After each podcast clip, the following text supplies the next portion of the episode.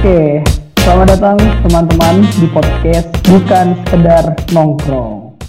Kali ini gue bakal ngobrolin ataupun ngomongin tentang UNJ nih dalam sepekan, gitu kan?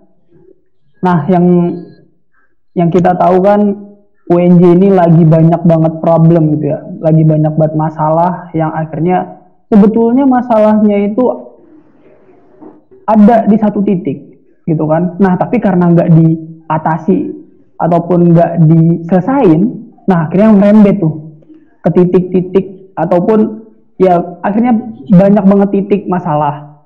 Nah kali ini gue nggak bakal ngomongin banyak tentang masalah-masalah itu, gue bakal ngang gue di sini sama teman-teman gue bakal ngangkat dua topik masalah gitu yang masalah ini sebetulnya sentral banget buat mahasiswa khususnya gitu. Nah, kali ini gue bakal ditemani oleh Didit Handika. Halo Dit, apa kabar Dit? Yo, alhamdulillah ul. Okay. Minal aidin wal faizin teman-teman semua. Oh iya, gue lupa. Minal aidin wal faizin juga Dit. Semoga keluarga selalu sehat di Rumpin ya. Amin, amin, amin. Oke. Okay. Oke, okay, teman gue yang kedua ini uh, adalah penulis bebas karena dia ini suka nulis gitu kan? Tapi juga suka bebas keluyuran ke mana-mana. Langsung aja nih teman gue yang satunya namanya Sukiman halo man. Apa kabar man? Halo semua. Minal aizin wal faizin. Oh iya minal aizin wal faizin juga man. Gimana man? Penulis bebas man? Bener nggak? Penulis bebas. Udah kayak apaan tahu? Bebas. Oke. Oke gengs. Jadi gue bakal ngomongin dua topik masalah, yaitu masalah yang pertama tentang kuota internet buat mahasiswa gitu. Yang kedua, gue bakal ngomongin tentang masalah yang ada di UNJ nih. Sebetulnya masalah ini udah kalau bisa dibilang ini adalah tahun ketiga, tapi sampai sekarang permasalahan ini belum clear dan belum jelas gitu. Muaranya mau ke mana dan mau dibawa ke mana sebetulnya masalah ini. Apa sih masalahnya? Yaitu masalah SPU, geng. Sumbangan pengembangan universitas itu. Nah, untuk lebih lengkapnya mungkin gue bakal ngebahas tentang permasalahan umat dulu nih. Umat uh, eh, UNJ gitu buat mahasiswa-mahasiswa lama gitu kan karena kan kalau SPU itu untuk mahasiswa baru tapi nggak menafikan kalau mahasiswa lama ini juga bakal ngebantu buat prosesnya buat penghilangan SPU.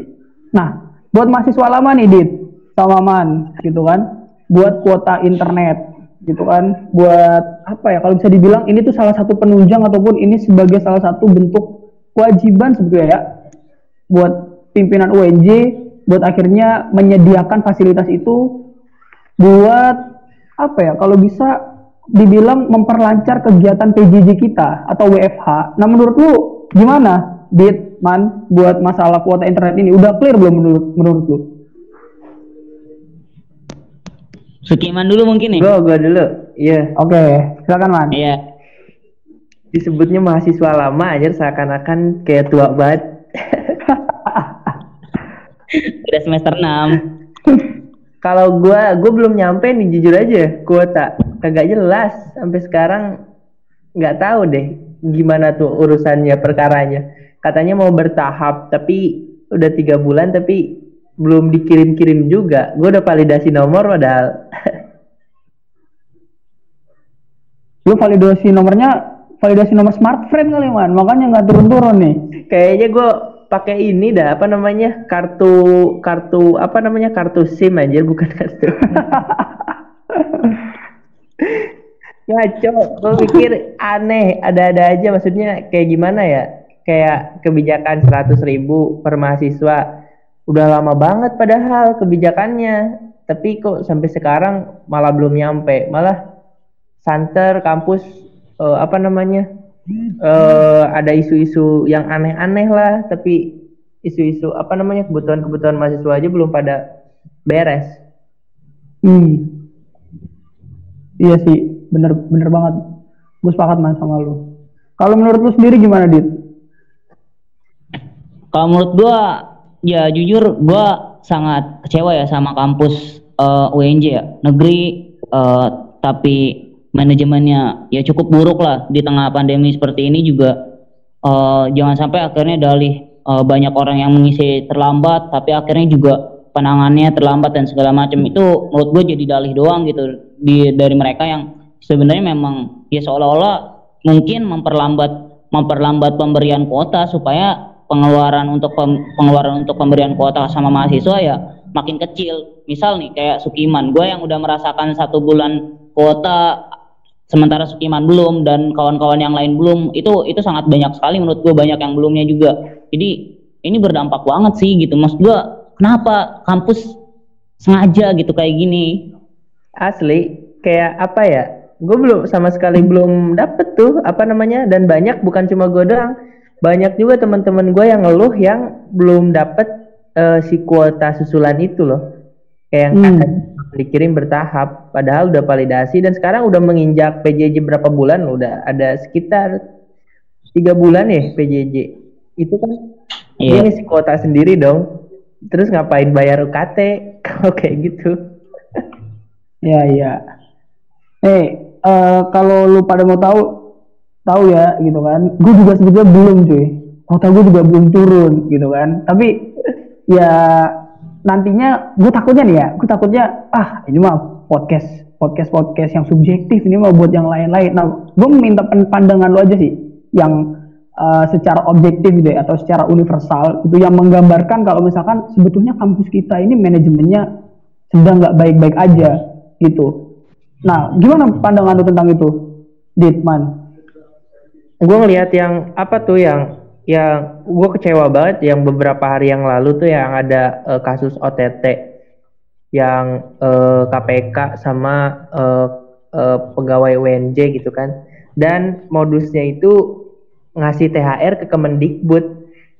Mau oke okay, uh, kasusnya belum clear sampai sekarang gitu. Dalam artian kita nggak tahu gimana uh, kronologinya dan duduk perkaranya. Tetapi kok bisa-bisanya gitu kampus uh, kewajibannya aja belum terpenuhi ini kok malah ada kasus-kasus kayak gitu.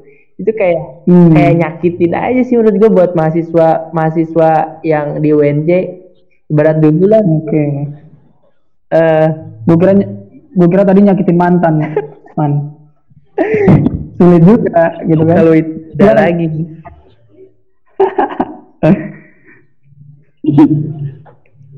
kayak aneh aja maksudnya sempat sempatnya gitu pemerintah apa sih gue bingung gitu kena ngapain sih uh, eh, UNJ ngasih THR buat pegawai Kemendikbud gitu. Ya nominalnya mungkin bagi sebagian orang nggak seberapa tapi kalau dilihat dari sisi kinerja kampus kayak kayak kampus ngapain aja sih selama ini gitu.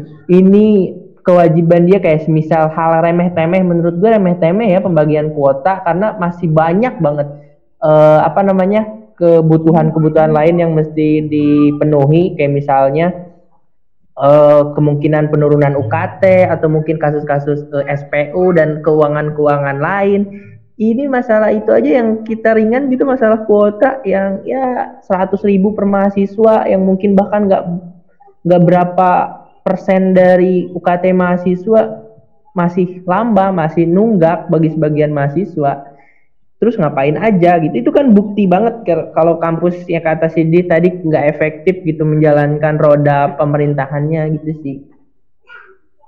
Oke. Kalau menurut lu gimana dit?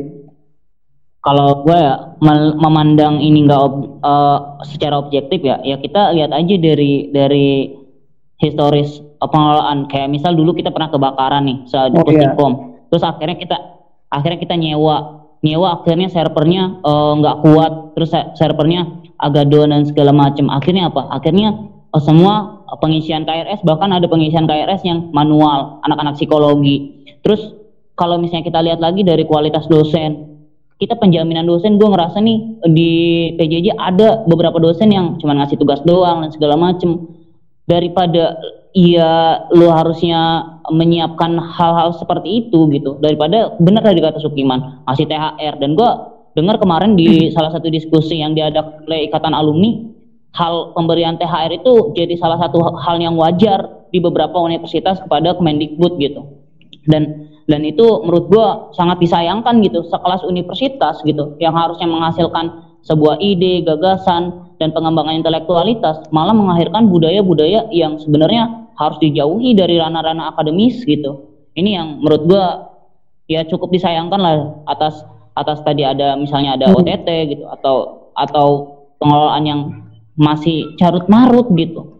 Ini sayang banget gitu. Apalagi ya gua yang paling gua patalkan adalah gua tidak hanya menyalahkan kehadiran eh, pem- apa ya pejabat-pejabatnya, tapi gue menanyakan juga kehadiran teman-teman dari BEM di tingkat universitasnya gitu. Gue ke mana gitu mereka gitu, ke mana mereka di saat teman-temannya membutuhkan mereka, ke mana di saat mereka eh, mereka eh, sangat lantang menyuarakan eh, ketidakadilan atas isu-isu nasional gitu. Ini yang jadi pertanyaan besar buat gue gitu. Kayak gitu Oke, sih. oke. Aduh, muaranya berarti muaranya ini eh, dari kebijakan kampus gitu kan, terus ke orang-orang yang akhirnya membela kepentingan mahasiswa gitu ya. Kalau misalkan bisa di, kita kerucutin gitu kan. Eh, Iya, Oke. kayak gitu. eh, tapi kalau misalkan sebelum sebetulnya gue nggak mau sih, nggak mau beropini, berar- berasumsi ataupun berargumentasi gitu kan. Karena kalau misalkan kita melihat permasalahan UNJ dan sepekan ini, khususnya yang OTT, gua belum bisa berpendapat gitu kan. Karena ini kan masih dugaan ya. Kalau misalkan di dalam hukum kita juga eh, ada juga yang namanya eh, prinsip equality before before the law gitu kan. Terus presumption of innocent gitu kan. Praduga tak bersalah sama ya kita harus apa ya kalau bisa dibilang harus menghargai proses yang sedang berjalan gitu kan. Yang akhirnya sekarang itu kan kasusnya lagi ditangani oleh kepolisian ya kalau nggak salah ya. Mm-mm. Kan gitu kan. Nah, kalau misalkan ngomong-ngomong tentang kebijakan gitu kan, kebijakan rektorat sekarang gitu kan yang mungkin kurang kurang efektif ataupun kurang efisien dalam menangani masa pandemi ini. Nah, sebetul kalau misalkan lu sendiri berdua gitu ya, kalau misalkan kita tarik benang merahnya gitu kan, kalau misalkan kebijakan rektorat gitu kan nggak nggak efektif nggak efisien gitu kan. Terus kita lihat nih sekarang nih gitu. Tapi dalam spektrum mahasiswa, kebijakan kalau bisa dibilang kebijakan BEM gitu lah. Entah ke BEM apa pun lah gitu kan. Entah BEM universitas fakultas ataupun prodi gitu. Nah kalau lu melihat melihat hal itu gitu penarikan kebijakan mereka itu udah relevan atau udah sesuai belum sih selama masa pandemi ini dalam memperjuangkan hak-hak mahasiswa khususnya mahasiswa UNJ Oke, Eh, mungkin gue nih ya, gue dulu ya. Dit Eh, gue sebelum mungkin gue sepakat ya sama eh, apa ya sama praduga tak bersalah gitu pra- yang eh, asas hukum asas hukum demikian gitu. Cuman menurut gue mau itu benar atau tidak tapi labeling labeling di masyarakat itu nggak bisa nggak bisa cepat cepat berubah gitu ul. Meskipun memang itu tidak terbukti atau segala macam sementara kan media nasional udah mengangkat itu dan uh, udah dipublis dan banyak masyarakat secara nasional mengetahui uh, status quo-nya seperti itu. Ada OTT ada pemberian THR dan segala macam gitu. Masyarakat tidak paham secara lebih dalam soal bagaimana asas praduga tak bersalah dan segala macam gitu. Yang masyarakat tahu adalah UNJ ada kasus ya berarti UNJ eh, kurang kurang kurang bagus menurut gua konstruksi masyarakat seperti itu. Gua melihat beberapa beberapa eh, komentar di Twitter misalnya ada ada calon mahasiswa baru untung sampai dia komen untung gua nggak jadi daftar UNJ ternyata ada kasus ya gitu. Nah itu itu menurut gua jadi masalah yang pelik sih gitu. Meskipun ini benar atau tidak gitu ke depannya gitu. Nah mungkin menurut gua harus harus ada klarifikasi yang lebih tegas gitu daripada sekedar misal gua apresiasi banget sudah misal pihak dari UNJ udah posting klarifikasi gini-gini. Tapi menurut gua hal itu kurang cukup. Apalagi sekarang di ranah sosial media banyak mungkin ya alumni-alumni yang ya saling bikin tulisan dan segala macam yang akhirnya menurut gua makin bikin gaduh. Sementara sebenarnya banyak masalah yang harus diselesaikan gitu daripada masalah yang kayak gini gitu. Cuman saling tuding satu sama lain gitu. Gua jadi heran aja gitu. Udah pejabat udah punya kuasa udah alumni udah punya titel dan macam-macam tapi masih merebutkan soal hal-hal yang berbau kepentingan masing-masing gitu. Eh berarti kalau bisa dibilang kayak ada semacam konflik interest gitu ya Dit ya Iya, gua ngerasa kayak gitu karena dari kemarin share becian ini, share becian itu saling lawan, saling lawan lah kata gua apa-apaan ini gitu. Oke, oke. Menarik, menarik. Eh, kalau tanggapan lu tentang apa ya?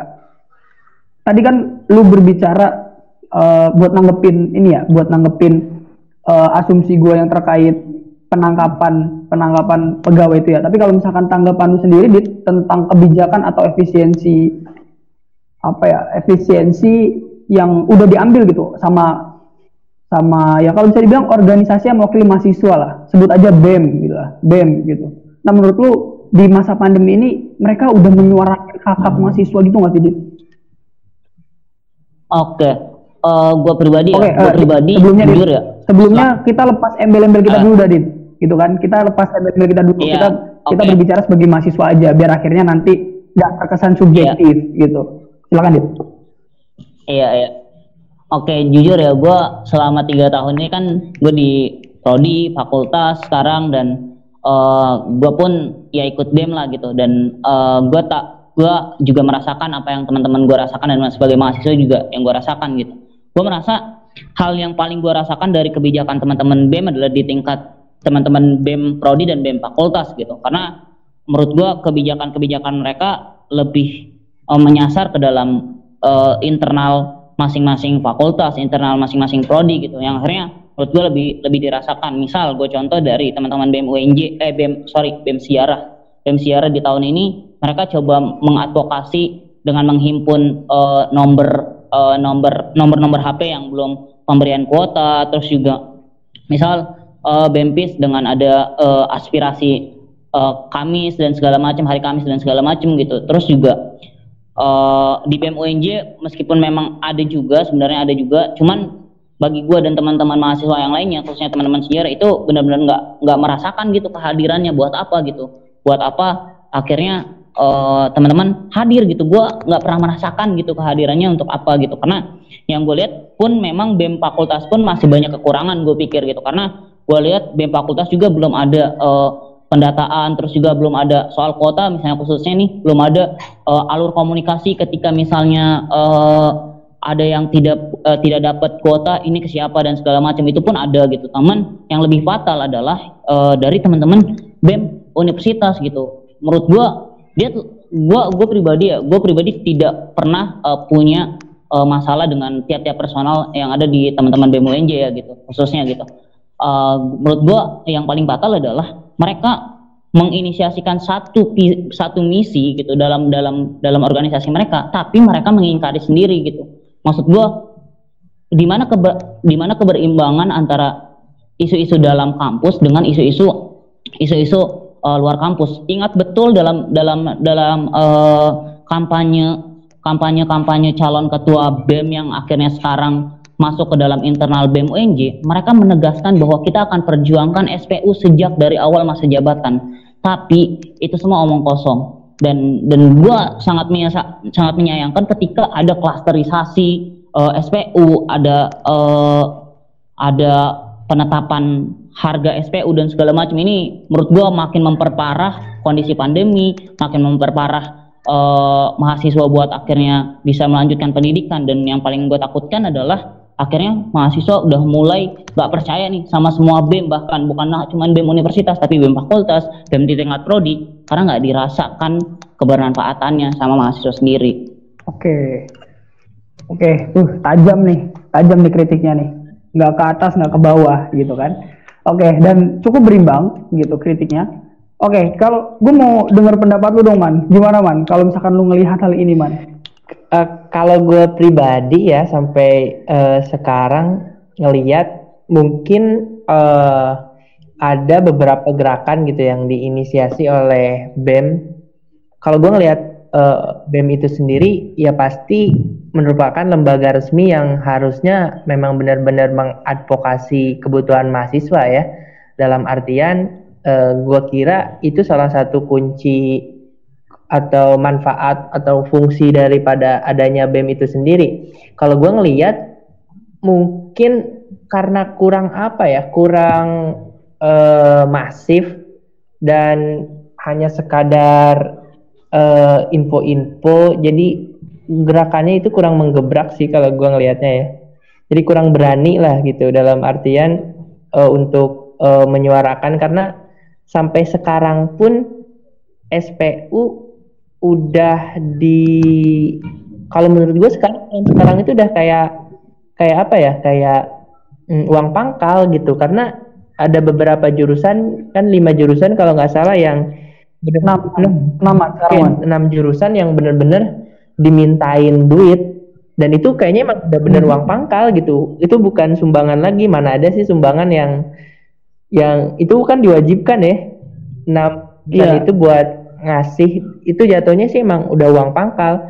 Tapi sampai sekarang kayak masih adem aja entah entah kalau gue pribadi ya dari dari mahasiswa biasa gitu ngelihatnya eh, siapa lagi sih yang bisa benar-benar ngegerakin eh, ini gitu? Mungkin apakah aliansi mahasiswa biasa atau mungkin dari BEM-nya yang benar-benar kayak nge- ngegebrak gitu kayak tahun 2016 karena menurut gua kayak poinnya itu udah sama aja sih eh, SPU tahun ini sama yang di tahun 2016 UKT atau mungkin kayak kita mau pasrah aja ya udahlah SPU kayaknya emang wajar sih diterapin kan masa iya kalau kita diem berarti kita kayak gitu juga dong ya nggak sih Iya sih. Sepakat gua. Oke. eh udah mulai ini nih, udah mulai nyinggung tentang masalah SPU nih, sumbangan pengembangan universitas. Nah, kan kalau misalkan yang kita tahu kan sebetulnya SPU ini kan kalau bisa dibilang masalah baru, nggak baru-baru banget gitu kan. Kalau misalkan dibilang masalah akut, nah ini akut banget gitu buat UNJ yang apa yang kalau misalkan gue denger ya kan di setiap gua maba nggak tahu ya nggak tahu lu gitu dit nggak tahu lu man denger nggak sih kalau misalkan eh, kita gue tuh selalu cekokin bil- bilang gitu masih eh, UNJ itu kampus pergerakan intelektual. Bener nggak? Kayak gitu. Hmm. ya kan? Ada ada diksi kayak gitu. Nah di apa ya? Berarti kan yang dimaksud pergerakan intelektual itu kan kita bergerak nggak asal gerak gitu kan. Kita gerak berdasarkan fakta data gitu kan temuan di lapangan apa sih sebetulnya masalah yang terjadi gitu. Faktornya apa penyebabnya apa gitu. Dan uh, how to solve the core problem gitu lah kalau bisa dibilang. Gimana caranya buat apa ya mengentaskan masalah itu. Nah kalau yang gue lihat sebetulnya hari-hari ini tuh kita belum akhirnya secara masif atau secara sadar gitu bahwasanya SPU ini ada di tengah-tengah kita gitu. Bukan cuma mengancam keadaan mahasiswa baru gitu tapi mengancam eksistensi gerakan dari mahasiswa yang lama gitu kan yang tua-tua kayak kita nih gitu kan. Nah kalau pandangan lu sendiri gimana man dan dit buat ngelihat hal-hal kayak gitu. Apalagi kalau kita berbicara tentang masa depan gerakan mahasiswa gitu. Kalau gue ngelihatnya entah mungkin gue kecewa juga sih sama diri gue sendiri. Kayak misalnya kayak entahlah kenapa eh, spirit kita di gerakan mahasiswa sekarang itu nggak nggak sebagus kakak-kakak kita gitu. Kalau gue ya ngelihatnya ya kayak Hmm. eh, mungkin kalau di tahun 2016 gitu mereka kok bisa berani banget karena mungkin langsung 15 juta gitu kata ya. Kalau sekarang kan SPU kayak dikit-dikit. Bahkan kalau gua ngelihat-ngelihat ada gitu beberapa mahasiswa yang eh, tidak keberatan juga gitu dengan adanya SPU dan ya nggak apa-apa lah nyumbang masih lebih murah gitu daripada kampus lain. Kalau gua ngelihatnya kayak eh, penurunan intensitas gerakan sih padahal kan tadi dibilang eh, kampus kita itu ya gerak apa namanya kampus gerakan intelektual gitu. Tapi kalau dari kalau dari sekarang gue ngelihatnya kayak kurang dan nggak tergabung gitu ada yang terpecah-pecah ada yang eh, dari kelompok ini ada yang dari kelompok itu bahkan cenderung saling eh, kalau gue ngelihatnya saling apa ya saling mengkritisi gerakan yang lainnya juga. Padahal kan tujuannya tetap sama yaitu untuk menuntaskan eh, SPU. Gue kira sih kayaknya kita harus benar-benar eh, ngebuang embel-embel ini deh apa namanya detail kita dari mana tapi lebih fokus ke tujuan oh, ujungnya aja. Karena menurut gua udah bukan gayanya udah bukan waktunya cari panggung deh kayak kayak lebih apa ya kayak lebih ya nggak peduli lah lu dari mana aja gitu kalau punya tujuannya sama ya kenapa nggak dijalanin bareng-bareng gitu sih Hmm. Mantap mantap. Sepakat nih gue nih sama kata-kata lu. Dit, kalau menurut lu gimana, Dit? Kalau menurut gua nih ya, kalau menurut gua yang pertama sih yang pertama menurut gua eh, mental-mental anak BEM terutama mungkin ketua-ketua BEM yang ada di UNJ itu sekarang udah apa ya udah nggak seberani dulu gitu udah nggak sepokal dulu gitu.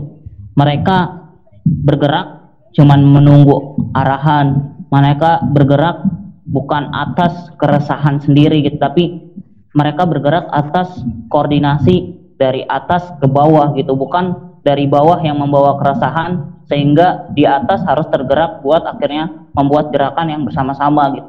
Itu yang pertama. Yang kedua gue sepakat sama uh, pendapat dari Sukiman.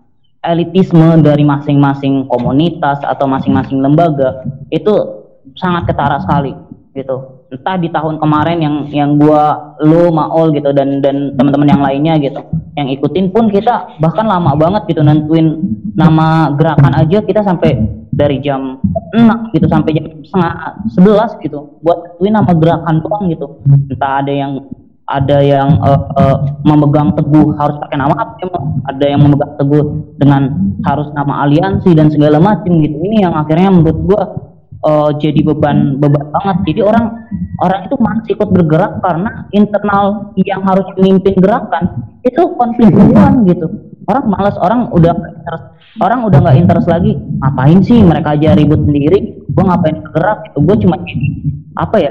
Ambil mereka doang. Beda misalnya dengan uh, kasus kayak kemarin. Uh, apa namanya reformasi di korupsi. Reformasi di korupsi itu gue kaget banget. EJ yang turun banyak banget.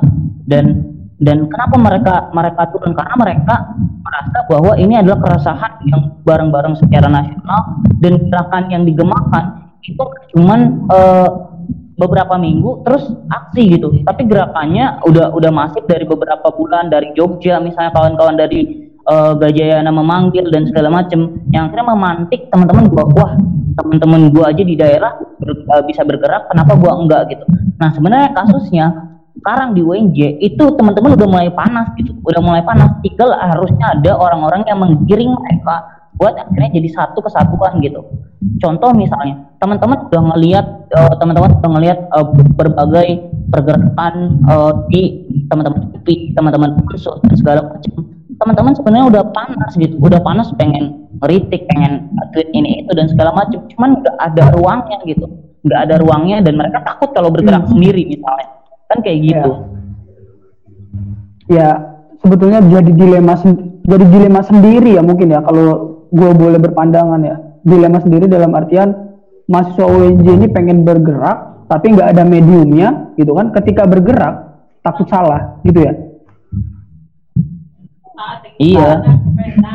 Ya sekarang undang-undang ITE di mana-mana. Dikit. Kacau. Uh, undang-undang ITE itu menurut gua ini sih sebetulnya resisten sih dalam artian bisa dilawan dalam arti dalam dalam artian ketika kita melanggar batas-batas gitu kan batas-batas yang ditentuin itu kan biasanya batas-batas sara gitu kan pornografi pencemaran nama baik gitu. Nah selama kita akhirnya nggak mencemarkan nama baik ataupun enggak ada di tataran itu di tataran hal apa di tataran hal-hal yang apa yang dilanggar gitu ya, ya kita nggak bakal kena ITE sebetulnya gitu Iya, tapi kan masalahnya undang-undang ITE ini terutama kalau misalnya pasal penghinaan pemerintah, ini kan delik delik aduan yeah. dari pemerintah. Ini kan yang jadi sus rakyat lawan penguasa yeah. yang menang gitu? kalau menurut gue kalau sekarang uh, karena mungkin banyak lembaga bantuan hukum gitu kayak LBHI terus kayak apa namanya kayak dan banyak lagi menurut gua nggak nggak nggak terlalu menakutkan kayak dulu sih menurut gua gitu karena ketika justru ketika pemerintah resisten dengan menerapkan pasal ITE dengan tidak masuk akal justru itu bumerang buat dia juga Contohnya misalnya kayak di kasus banyak kasus lah yang justru ketika pemerintah nangkep orang itu pemerintah malah dijelek-jelekin sama masa gitu. menurut gue jadi nggak terlalu bahaya sih kalau menurut gue kalau di zaman sekarang karena banyak. Tapi ya, tapi menurut gue nih dijelek-jelekin belum tentu mengubah status hukumnya man gitu. Banyak misal kayak misal contoh nih contoh sederhana banyak kayak mahasiswa di uh, di Tasik yang kritik soal PSBB akhirnya mereka uh, akhirnya dia di penjara uh, 14 hari karena uh, mencemarkan nama baik pemerintah dan segala macam gitu. Itu menurut gua akhirnya kan nggak nggak bisa bebas juga secara status hukum dan segala macam gitu. Ya, risiko ya. Gua gua juga sebetulnya bingung sih gitu kan, bingung sih sama pimpinan-pimpinan gitu ya, baik dari pimpinan pimpinan kampus gitu kan, pimpinan ya kalau saya bilang pimpinan negara sebetulnya orang-orang ini gitu ya, atau enggak gini deh pimpinan organisasi gitu kan, sebetulnya orang-orang ini tuh mewakili siapa sih gitu kan? Kalau nggak mewakili ya kalau di tataran kampus yang mewakili mahasiswa, kalau di pemerintah mewakili rakyat gitu kan. Sebetulnya gue juga bingung gitu. Anta jadi ada kayak makna bias gitu tentang tentang pemimpin-pemimpin itu. Kalau menurut lu gimana cuy?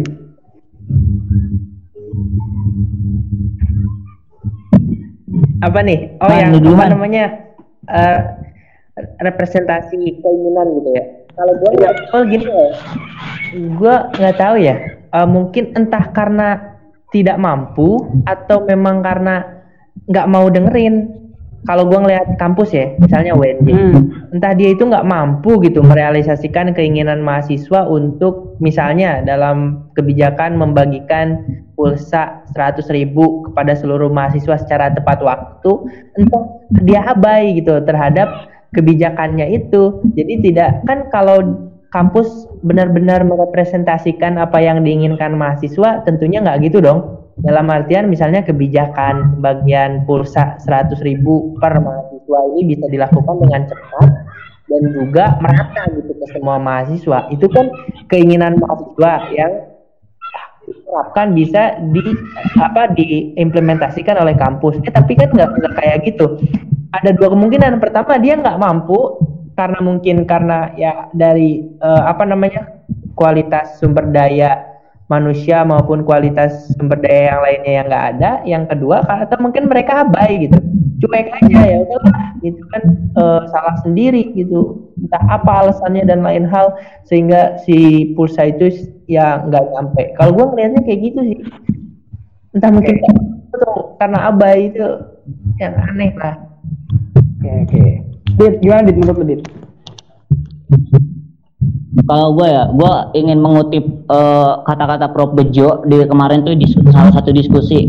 Prof Bejo bilang gitu, kalau misalnya pimpinan rektorat atau pimpinan kampus itu lebih baik bergerak karena gagasan, ide, dan pengembangan yang dibutuhkan oleh mahasiswa, dosen, bahkan oleh Indonesia gitu. Jadi sebenarnya yang poin pentingnya adalah mau seperti apa pun organisasinya mau dari BEM dan segala macam itu tergantung bagaimana uh, kecondongan atau uh, atau dominannya seorang pemimpinnya itu mengarah pada apa. Misal pemimpin di BEM A mengarahnya kepada ya hal-hal yang uh, misalnya hal-hal yang ya kayak aksi demo dan segala macam kritik dan segala macam itu kan akan mencerminkan BEM-nya seperti apa gitu begitupun di tingkat universitas gitu. Begitupun pimpinan di universitas gitu. Ketika rektoratnya misalnya uh, tidak memiliki gagasan maka ya cerminan BM uh, cerminan universitasnya pun akan cuman seperti bentuk komersialisasi pendidikan misalnya ataupun ketidakmampuan pengelolaan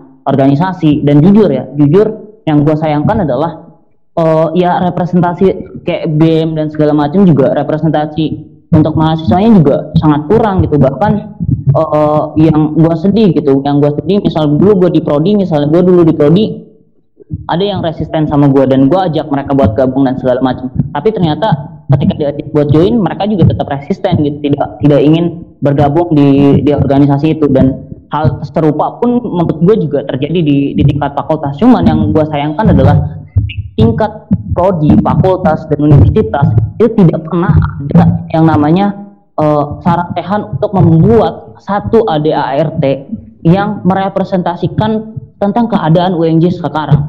Gue pikir ADART di BEM sekarang atau ADART atau aturan-aturan yang ada di BEM sekarang itu cuma sekedar turunan, turunan dan turunan gitu. Ini yang jadi masalah gitu. ketika turunan-turunan doang kayak kayak cuman melanjutin tradisi tau gak sih lu padahal keadaan dan realitas itu berbeda banget gitu itu yang menurut gua paling fatal ketika uh, organisasi itu penting penting dari seorang gagasan pemimpinnya. Pemimpinnya seperti apa ya, cerminan organisasi pun akan mengikuti. Gitu. Berarti secara nggak langsung lu menentang, lu berdua menentang ya budaya budaya feodal dalam dalam organisasi gitu, budaya yang cuma panggut-panggut sama senior dan lain-lain gitu. Kalau gue pribadi sih mungkin uh, harus ada semangat buat apa namanya buat apa ya uh, advokasi mahasiswa gitu. Kalau gue ngelihatnya karena uh, maupun itu prodi, fakultas mau itu UFJ itu kan dia dipilih kalau menurut gue ini pandangan gue gitu ya fungsi utamanya untuk uh, advokasi terhadap mahasiswa entah itu pelayanan dari segi uh, apa pun itu. Oke lah kita bicara tentang kampus atau isu nasional gitu tentang yang hangat. Tetapi kan kalau gue ngelihatnya itu lebih ke uh, itu uh, nomor sekian karena yang pertama menurut gue tentunya di mahasiswa dulu kalau gue ya kalau gue pribadi gue pengennya ke sana dulu jadi mahasiswa itu kayak bener kalau misalnya kayak prodi uh, fakultas BEM itu lebih ke advokasi buat mahasiswa-mahasiswa dulu yang ada di kampus ngedengerin keresahan mereka terus uh, kalau itu udah tercapai oke okay lah kita uh, kejar target-target uh, lain gitu. Jangan target yang sana nggak kejar target yang ini juga aku kejar. Oke. Okay. gimana dit? Kalau kan kan bem bem seluruh Indonesia man. Iya. Harus rakyat lah. Oh berarti mementingkan rakyat Indonesia dibandingkan mahasiswa gitu ya? Iya. Nah, alangkah proporsional sih kalau dua-duanya ke kepegang sih. Iya, okay, emang, sulit. emang sulit emang proporsional. Makanya Nabi menganjurkan ya jangan menikah lebih dari satu kalau misalkan nggak bisa adil gitu kan, nggak bisa proporsional gitu kan. Oke oke. Kalau kalau gue ya, kalau gue ya, kalau gue nih, gue memandangnya ya, memandangnya kalau soal kecenderungan ya, ya itulah Sukiman udah ngejelasin lah secara jelas cenderungannya lebih ke mana gitu. Cuman yang gue sayangkan adalah dari teman-teman mahasiswa nih terutama yang yang masuk gitu ya di awal-awal mereka itu keras kritis dan segala macem tapi tiba-tiba entah mereka masuk BEM prodi BEM fakultas atau BEM universitas tiba-tiba mereka menjadi dungu. Mereka seolah-olah lupa mereka berasal dari mana mereka uh, harus membawa keresahan apa hmm. dan mereka harus bagaimana gitu. Karena alangkah lucunya ketika misalnya BEM gitu BEM hanya sebagai struktur pelengkap dari universitas gitu. Ini kan yang yang akhirnya lucu banget gitu uh, kalau misalnya kalau misalnya BEM hanya hadir dengan, garis seperti itu gitu. Terus juga yang gue sesalkan gitu misal di BEM sekarang atau BEM BEM BEM beberapa tahun yang lalu gitu. Menurut gue diplomasi itu sangat penting penting banget. Cuman bergerak itu gak mungkin uh, kita menang lewat jalur diplomasi doang gitu. Emang bargaining position kita apa sih gitu? Secara hierarki kita aja ada di bawah pimpinan kampus gitu. Kita punya position apa gitu kecuali misalnya ketika kita diplomasi gitu kayak si Manik gitu bilang saya uh, uh, mosi menolak pimpinan UEC lah gitu. Kan itu berani. Kalau diplomasi cuman ya pak oke okay, pak gitu dan segala macam pak gitu. Itu bukan diplomasi men gitu. Itu namanya lu cuman konfirmasi terus akhirnya terus gitu gue heran gitu makanya sama sama apa ya sama BM gitu. Ya termasuk gue juga di BM gitu. Makanya gue selalu kesel kalau misalnya ada bocah ngapain sih gitu bikin BM kayak gini kayak gini doang gitu. Dan dan gue heran aja gitu ngapain sih diplomasi diplomasi tapi ngasilnya kayak gitu nggak jelas gitu. Harusnya lebih tegas lu itu jiwa muda gitu. Jiwa-jiwa pemberontak. Gua masa ngeberontak DPR berani ngeberontak yang katanya orang tua sendiri misalnya gitu. Maksudnya orang yeah. tua salah nggak bisa ditegur sih gitu. Kan aneh. Oke okay. uh, eh, nggak kerasa juga nih kita udah ngobrol panjang lebar gitu kan ngobrolin tentang UNJ gitu kan. UNJ dalam sepekan ini ada apa sih gitu booming apa sih? Bahkan sampai lebaran itu orang tua gue nanyain di UNJ ada apa sih kok rame-rame berita? Gitu. wah kata gue nih kamu dari mana nih gitu kan wah ternyata udah tersebar gitu ya di, med di media gitu kan. Nah sebetulnya ini kan juga sebagai apa ya, sebagai sentilan juga gitu kan buat kita gitu kan, atau enggak juga buat pimpinan-pimpinan UNJ buat akhirnya memperbaiki seenggaknya kita kampus mereka di hadapan orang orang tua orang tua mahasiswa gitu dan juga ya orang tua mahasiswa mahasiswa baru yang mau masuk gitu. Karena menurut gua juga faktor faktor sosiologis dan faktor psikologis juga bakal nentuin sih gitu. Bakal nentuin mahasiswa itu bakal ngasih feedback apa ke UNJ gitu. Kalau misalkan UNJ citra jelek ya menurut gua ya mau berprestasi kayak gimana pun tapi kalau misalkan instansi lu udah dicap jelek gitu di tataran pemerintah ya orang-orang yang lulusan-lulusan UNJ atau lulusan-lulusan yang berasal dari kampus gitu kampus yang udah dicap jelek itu ya bakal di labeling gitu. Menurut gua kayak gitu sih. Uh, mungkin uh, Ludit atau Sugiman gitu mau ngasih apa ya terakhir gitu lah atau tanggapan terakhir lu atau statement gitu buat akhirnya ya UNJ ini biar gak gini-gini aja lah gitu. Gimana nih harapan-harapan lu atau lu sebagai mahasiswa tua lah kalau bisa dibilang? Kalau harapan gue dulu nih kayaknya yang gue buka banget harapan-harapan tuh. Ya emang kalau masih cewek lu. Harapan-harapan terus. Kalau gue apa namanya uh, harapannya tentu pertama gue harap pihak UNJ itu benar-benar uh, klarifikasi. Itu ngasih-ngasih THR itu untuk apa? Kalau tadi Didit bilang uh, di diskusi lain uh, itu hal yang biasa. Loh gue gue baru tahu jujur-jujuran aja ya. Kok bisa sih kita ngasih THR terus gunanya untuk apa? Terus kan dia mintain uang dari para dekan entahlah tuh itu kan kayak kayak uh, kalau gue gue pribadi tanda tanya besar gitu. Kenapa harus ngasih? Dan apa tujuannya? Terus itu uh, ada nggak sih implikasinya misalnya sama kualitas pendidikan di kampus kita atau dan lain hal?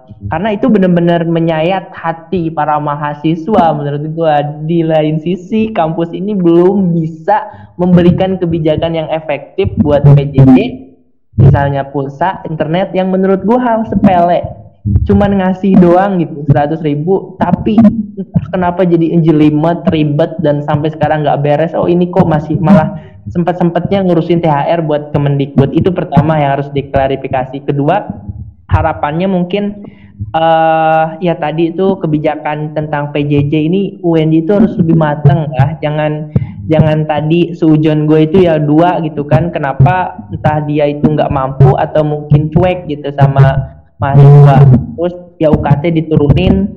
Karena kita nggak nggak make uh, UKT karena kayaknya ini keresahan seluruh mahasiswa di Indonesia ya. Dan ada beberapa kampus yang gue lihat menurunkan UKT atau memberikan uh, diskon. Karena itu menurut gue uh, masuk akal buat dilakukan sekarang. Apalagi orang tua juga lagi pada seret gitu uangnya dan yang terakhir mungkin itu terkait SPU.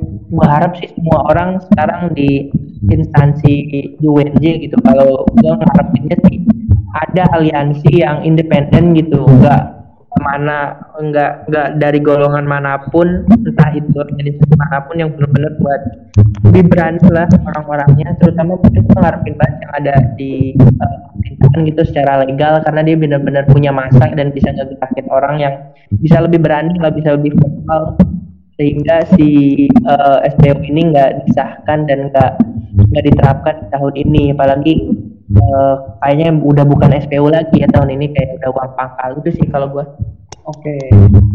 kayak gimana gimana dit? Kalau kalau gue ya kalau gue pribadi ya uh, gue ya berharap semua permasalahan yang berkaitan tentang OTT ini ya silakan uh, didiskusikan. Misalnya kalau misalnya ada alumni yang sepakat diusut silahkan diskusikan dengan alumni-alumni yang lain yang sangat percaya dengan pemimpin yang saat ini gitu. Jangan sampai akhirnya malah menyebarkan narasi-narasi atau tulisan-tulisan melalui Facebook melalui grup-grup WA dan segala macam yang akhirnya menjadikan ini sebenarnya masalah uh, internal sendiri UNJ tapi dikonsumsi oleh publik secara luas gitu. Yang tidak tahu sebenarnya bagaimana keadaan UNJ sesungguhnya gitu ini yang menjadi uh, permasalahan banget sih menurut gua jadi ayolah gitu uh, kalau memang alumni alumni sebagai yang atas namakan sangat peduli terhadap UNJ gitu. Alangkah baiknya dibikin forum diskusi dan selesaikan di situ gitu. Bukan bertarung melalui tulisan-tulisan yang akhirnya memancing perspektif-perspektif yang berbeda gitu. Entah mereka mempercayai tulisan A, tulisan B atau tulisan C gitu. Itu itu yang pertama. Terus yang kedua, gue berharap uh, BEM ke BEM gitu, BEM atau uh, aliansi-aliansi yang lainnya mari kita turunkan ego bareng-bareng di saat kondisi seperti ini. Lepas uh, bendera masing-masing gitu. Kita benar-benar bergerak bukan lagi atas struktur organisasi gitu, tapi mengatasnamakan mahasiswa yang resah mahasiswa yang benar-benar peduli terhadap masalah masalah-masalah uh, yang ada di di kampus gitu. Dan terutama yang gua tekankan banget di BMP di tingkat fakultas. Jangan sampai lu itu di tingkat fakultas tapi lu itu bergerak nunggu dari arahan BEM universitas. Ayolah lu itu harus sadar lu itu yang punya masa lu itu yang punya basis masa. Ketika lu bergerak hanya menunggu dari atas maka masa lu akan buyar masa lu akan di masa mengambang lagi yang nggak tahu arahnya mau ke mana gitu. Ketika masa lu udah panas ayo gerakin gitu. Jangan nunggu. Lu itu bukan budak yang harus disuruh-suruh oleh majikan gitu. Pakai otak lu gitu. Jangan sampai nggak dipakai gitu. Maksud gua sayang gitu. Lu udah di BEM tapi lu dulu gitu. Itu itu menurut gua sangat sangat sesali banget gitu. Karena dan dan khusus buat mungkin teman-teman di di apa di di komunitas-komunitas lainnya ayo gitu. Nggak peduli lu pakai identitas apa dan segala macam gitu. Kalau emang lu rasa ayo kita bareng. Masing-masing kita gerak gua apresiasi banget sama teman-teman yang udah bikin video dan segala macam itu luar biasa bang. Udah nunjukin bahwa mereka peduli sama kampus kita. Dan sekarang mulai kita gerak bareng-bareng lepas identitas masing-masing gitu. Terus yang ketiga nih soal SPU ayo eh yang ketiga soal SPU dan UKT menurut gua harusnya kampus belajar dari kampus-kampus yang lainnya gitu. Soal penurunan UKT gitu. Soal adanya uh, bantuan uh, pembiayaan pemberian waktu pembiayaan mahasiswa baru itu uh, di uh, teman-teman Udayana gitu itu dikhususkan gitu. Buat akhirnya mahasiswa baru yang masuk diberikan waktu jenjang waktu untuk bayar UKT-nya gitu. Itu kan sangat membantu sekali atau mahasiswa mahasiswa mahasiswa di tingkat akhir. Meskipun UNJ udah menerapkan ya untuk mahasiswa di tingkat akhir cuman mahasiswa yang aktif ini gitu akhirnya jadi masalah e, berat banget gitu. Itu harus dipikirkan. Terus SPU juga menurut gua jadi masalah banget. Kampus semakin diskriminasi kampus semakin tidak adil gitu terhadap mahasiswa terhadap calon-calon mahasiswa yang memiliki perekonomian yang padat. Kalau misalnya kampus berdalih bahwa Penmaba adalah cara untuk menyeleksi yang uh, mampu ekonominya karena UNJ udah udah banyak mahasiswa yang miskin. Nah, ngapain ada pendidikan gitu? Ngapain ada undang pembukaan undang-undang dasar kalau misalnya yang menjamin bahwa pendidikan adalah hak segala bangsa gitu, hak setiap orang gitu. Ngapain uh, ada hal tersebut gitu? Kalau misalnya pendidikan tinggi aja berdiskriminasi dan terakhir terakhir banget gue berharap gue berharap sekali lagi BEM BEM mau di tingkat universitas mau di tingkat uh, fakultas prodi dan segala macam. Yuk peduli dulu sama mahasiswanya gitu. Jangan sampai lu bisa dijegal lu bisa dikritik dan segala macam gitu. Uh, sama mahasiswa sendiri gitu. Lu seolah-olah tampil di media mana pun tapi lu di dalam nggak pernah dikenal nggak pernah ditahu gitu. Ngapain lu? Ngapain ada BEM gitu? Ini dibubarin gitu. Kan enak gua gitu. Nggak ngapa-ngapain gitu. Dan terakhir banget nih kritik itu bukan berarti gua sering kritik bukan berarti gua lebih bagus. Kritik bukan berarti gua lebih keren lebih berkualitas dan segala macam. Tapi kritik adalah kepedulian seseorang yang paling konsisten terhadap suatu hal. Ini adalah bentuk kepedulian gua. Kepedulian mengingatkan terhadap sesuatu hal yang menurut gua clear gitu. Ya harusnya kritik itu tidak boleh diabaikan. Malah menjadikan untuk ya ibaratnya muhasabah diri lah. Diri. Kayak gitu oke. okay. Oke okay, sebelumnya terima kasih banget man. Dit udah nyempetin waktu buat akhirnya kita bisa bincang nih di gitu. Kalau dari gua nih gitu kan dari gua sebelum nutup podcast ini gua berharap gitu ya setelah ada podcast ini jangan ada yang baper gitu. Jangan ada yang akhirnya apa ya jangan ada yang akhirnya merasa kecewa gitu sama sama podcast ini dan lain-lain. Karena tadi bener kayak yang dibilang sama itu kritik kritik ini sebagai penunjang gitu kritik ini sebagai sarana buat akhirnya kita mengevaluasi kinerja gitu kinerja pimpinan gitu kinerja BEM gitu baik universitas, fakultas dan juga prodi. Jadi jangan sampai kritik ini di- disamakan dengan wah ini podcast pencemaran nama baik nih, wah siap-siap nih, ya kan? Kan itu jadi hal yang enggak yang apa ya? Yang akhirnya akan terjadi proses dialek dialektika gitu kan? Ya yang paling bagus adalah eh, kritik ini dimaknai sebagai hal gitu atau simbol yang membangun membangun kita khususnya gitu. Baik WNJ gitu kan buat baik nanti buat gua itu khususnya para para pejabat mahasiswa gitu kan di BEM dan dan lain gitu. Gua sebaiknya setelah ada podcast ini gua rasa teman-teman harus teman-teman UNJ khususnya khususnya gitu, kita harus betul-betul bersiap bergegas gitu buat buat merampungkan masalah-masalah yang ada di di universitas di universitas yang muaranya itu sebetulnya ke kepentingan mahasiswa gitu. Jadi menurut gue jangan sampai kita sebagai mahasiswa lalai gitu sama hak-hak mahasiswa lain yang haknya mungkin itu aja dari gua. Dit Man makasih banyak udah mau join di podcast bukan sekedar nongkrong ini. Hmm. Iya, oke. Oke. mungkin itu aja yang bisa kita perbincangin nih eh, pada podcast kali ini pada episode kali ini gitu kan. Semoga di podcast selanjutnya kita bisa ketemu lagi